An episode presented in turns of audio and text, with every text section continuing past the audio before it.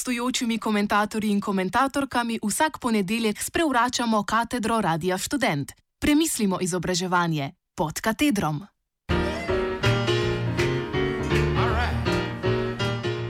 Odziv Visokošolskega sindikata Univerze v Ljubljani na izplačila na Ljubljanski univerzi. Današnji komentar je spisal Gorast Kovačič, predsednik Visokošolskega sindikata Univerze v Ljubljani. Visokošolska in širša javnost v zadnjih desetih dneh z namerjenostjo spremljata objave prispevkov POP TV o visokih izplačilih posameznim zaposlenim na Univerzi v Ljubljani, o različnih spornih praksah in o odzivih odgovornih. Visokošolski sindikat Slovenije je že opozarjal na sporne prakse na univerzah in se kritično odzival tudi na pretekla razkritja spornih izplačil na univerzah. Tudi tokrat pričakujemo, da bodo pristojni organi razkrite sporne prakse raziskali, da bodo odgovorni v primeru odkritih nepravilnosti ustrezno odgovarjali in da bo Ministrstvo za izobraževanje, znanost in šport skupaj z univerzami in ob sodelovanju z drugimi deležniki v visokem šolstvu in raziskovalni dejavnosti našlo rešitve, ki bodo v prihodnje preprečile sporne prakse.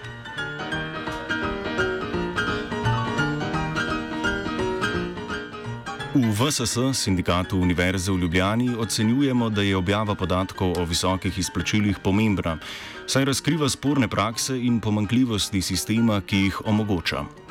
Prav tako odpira pomembna vprašanja o ustreznosti opredelitve javne službe in tržne dejavnosti univerz, razmerja med njima in obsega tržne dejavnosti. Sistem preprečevanja spornih praks in ureditev mora izhajati iz jasnih odgovorov na navedena vprašanja. Treba je ločiti med izplačili, ki imajo v javnem plačnem sistemu jasno funkcijo plačevanja dodatnega upravljenega dela in so regulirana in omejena, ter izplačili, ki niso omejena, zlasti izplačili na podlagi avtorskih in podjemnih pogodb prek pogodb s povezanimi pravnimi osebami ter izplačili za delovno uspešnost iz naslova prodaje na trgu. Ta izplačila na univerzah večinoma izvirajo iz tržne dejavnosti, v nekaterih primerjih tudi iz evropskih raziskovalnih projektov.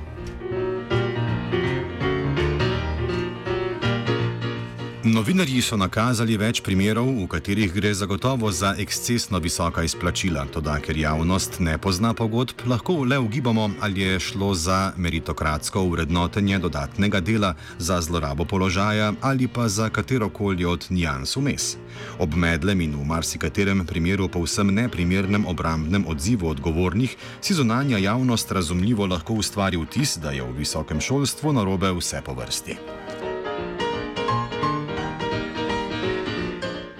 Ugled Univerze v Ljubljani in visokega šolstva je mogoče obrna, obraniti ali obnoviti le z razčiščenjem spornih praks in sprejemom pravil, ki jih bodo v bodoče onemogočila.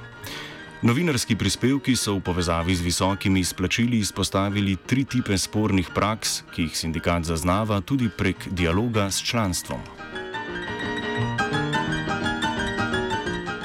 Prvič, med prejemniki visokih izplačil je nenavadno veliko vodilnih oseb, med njimi dekanov, prodekanov, predstojnikov ožjih organizacijskih enot, laboratorijev, inštitutov in podobno, ter tajnikov fakultet, ki so polno zaposleni z upravljavskim delom. To utemeljuje sum, da pri nekaterih visokih izplačilih iz tržnih virov ni šlo za meritokratsko uvrednotenje dela na tržnih projektih in za pošteno razdelitev izplačil med vse sodelavce v timu, temveč za zlorabo položaja položaja za koncentracijo izplačil pri funkcionarjih oziroma za položajno rento. Nekateri med intervjuvanimi prejemniki visokih honorarjev so izjavili, da so razpoložljiva sredstva razdeljevali enakomirno med sodelavce v ožji organizacijski enoti, a objavljene številke tega ne potrjujejo in treba bi bilo izvesti celovit pregled pogodb in izplačil.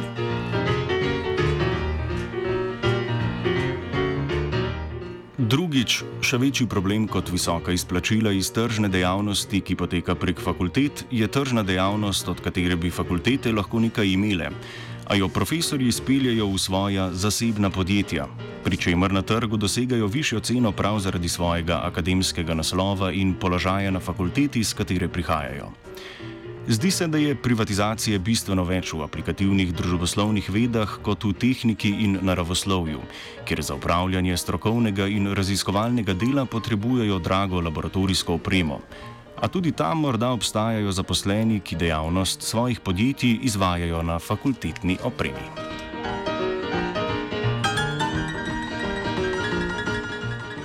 Univerza v Ljubljani je po objavi najvišjih honorarjev v javnem sektorju na supervizorju leta 2016 sprejela pravilnik, ki zavezuje članice, da sprejmejo realističen seznam dejavnosti, za katere velja konkurenčna klauzula, zaposlene pa, da za upravljanje dejavnosti zunaj UL pridobijo rektorjevo dovoljenje. Pogoj za izdajo rektorjevega dovoljenja je odgovor, pardon, dogovor o plačevanju prispevkov v razvojni sklad UL, kakršne morajo odvajati tudi prejemniki visokih honorarjev znotraj UL. Zaradi bojkota nekaterih članic je senat UL sprejel sklep, da morajo do predložitve realističnih seznamov fakultetnih dejavnosti zaposleni pridobiti rektorjevo soglasje za vse svoje poslovne dejavnosti.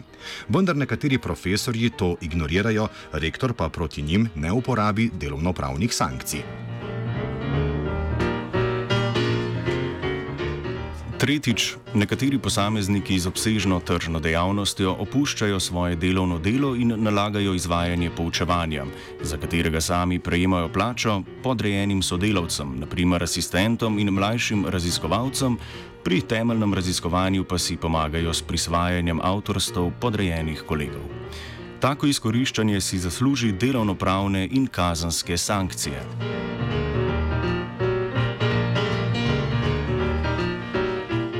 Poudarjamo, da se navedene vrste praks med seboj nujno ne izključujejo, saj smo prepričani, da pri izvajanju tržne dejavnosti, ne glede na to, ali se opravlja v okviru fakultete ali v okviru lastnega podjema posameznika, zaposlenega na univerzi, ni jasna razmejitev med izvajanjem nalog v okviru pogodbe o zaposlitvi in morebitnim dodatnim delom, ki naj bi bilo podlaga za dodatna izplačila, kar povečuje tveganje, da se tržna dejavnost dejansko izvaja na račun osnovne, temeljne dejavnosti univerze, ki je javna služba.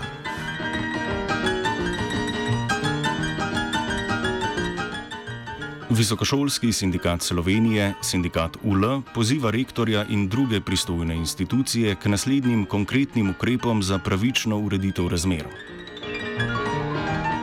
Prvič, Treba je razčistiti, ali je šlo pri visokih izplačilih iz tržne dejavnosti za meritokratsko nagrajevanje opravljenega dela ali za položajno rento.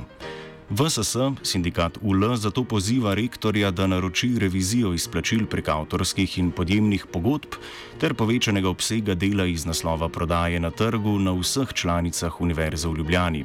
Prednostno pa v tistih organizacijskih enotah, v katerih delujejo prejemniki visokih izplačil. Revidirana je tudi poslovno razmerje med EF in zasebnim zavodom CPOEF, za katerega oziroma na katerega je EF prenesla znaten del svoje tržne dejavnosti. Rektorja tudi pozivamo, da revizijska poročila javno objavi.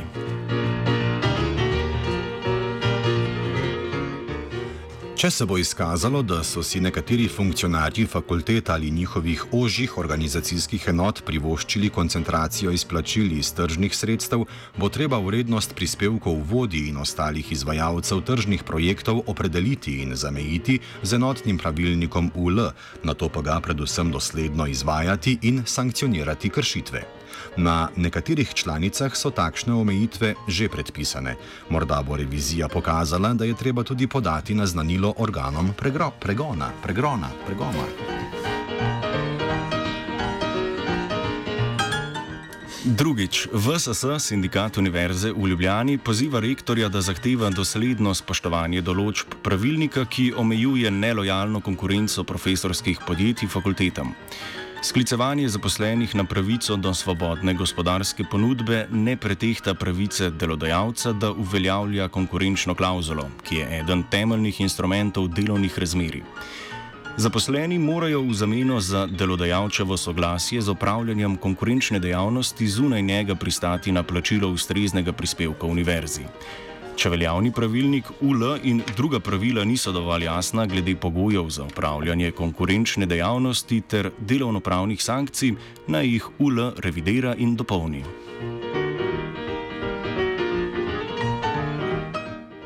Tretjič. Zavedamo se, da je dokazovanje izkoriščanja podrejenih sodelavcev z nalaganjem osnovnega dela nadrejenih nemogoče brez pričanja upletenih.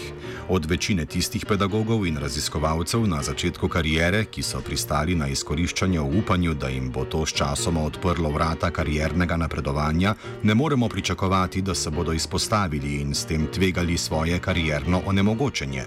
Zato vidimo možnost za omejitev zlorab v zakonski omejitvi kopičenja dodatnih dodatnih izplačil poleg osnovne plače.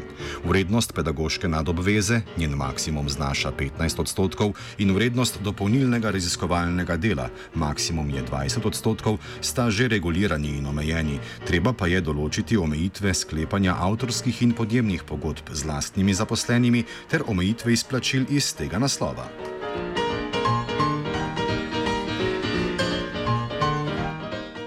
Če bi omejili višino seštevka izplačil iz pedagoške nadobveze, dopolnilnega raziskovalnega dela ter avtorskih in podjemnih pogodb, naprimer na skupaj 50 odstotkov višine plače, bi tiste, ki opravljajo veliko tržne dejavnosti, prisilili, da se odpovedo delu pedagoških in raziskovalnih ur v korist mlajših kolegov, ki bi tako dobili več priložnosti za zaposlitev.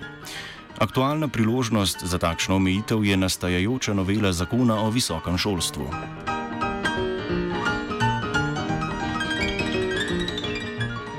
VSS poziva MIZŠ, da se jasno opredeli do javnih razkritij in predstavi tudi zakonske rešitve, ki bi v bodoče preprečile sporne prakse in netransparentnost. Pozivamo ga, da preuči ustreznost definicije javne službe v dejavnosti visokega šolstva ter razmisli o opredelitvi tržne dejavnosti in njenega obsega v visokem šolstvu.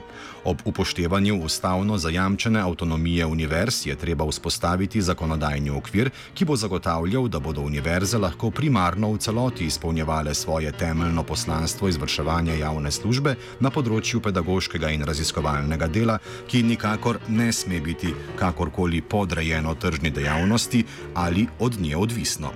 Prvi pogoj za to je vsekakor stabilno in zadostno proračunsko financiranje javne službe.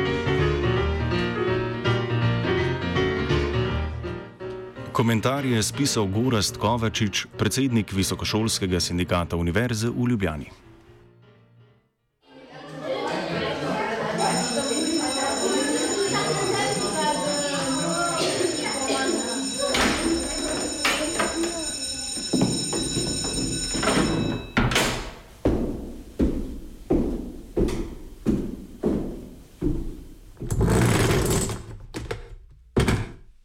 Gostujočimi komentatorji in komentatorkami vsak ponedeljek sprevračamo katedro Radia Student. Premislimo izobraževanje pod katedrom.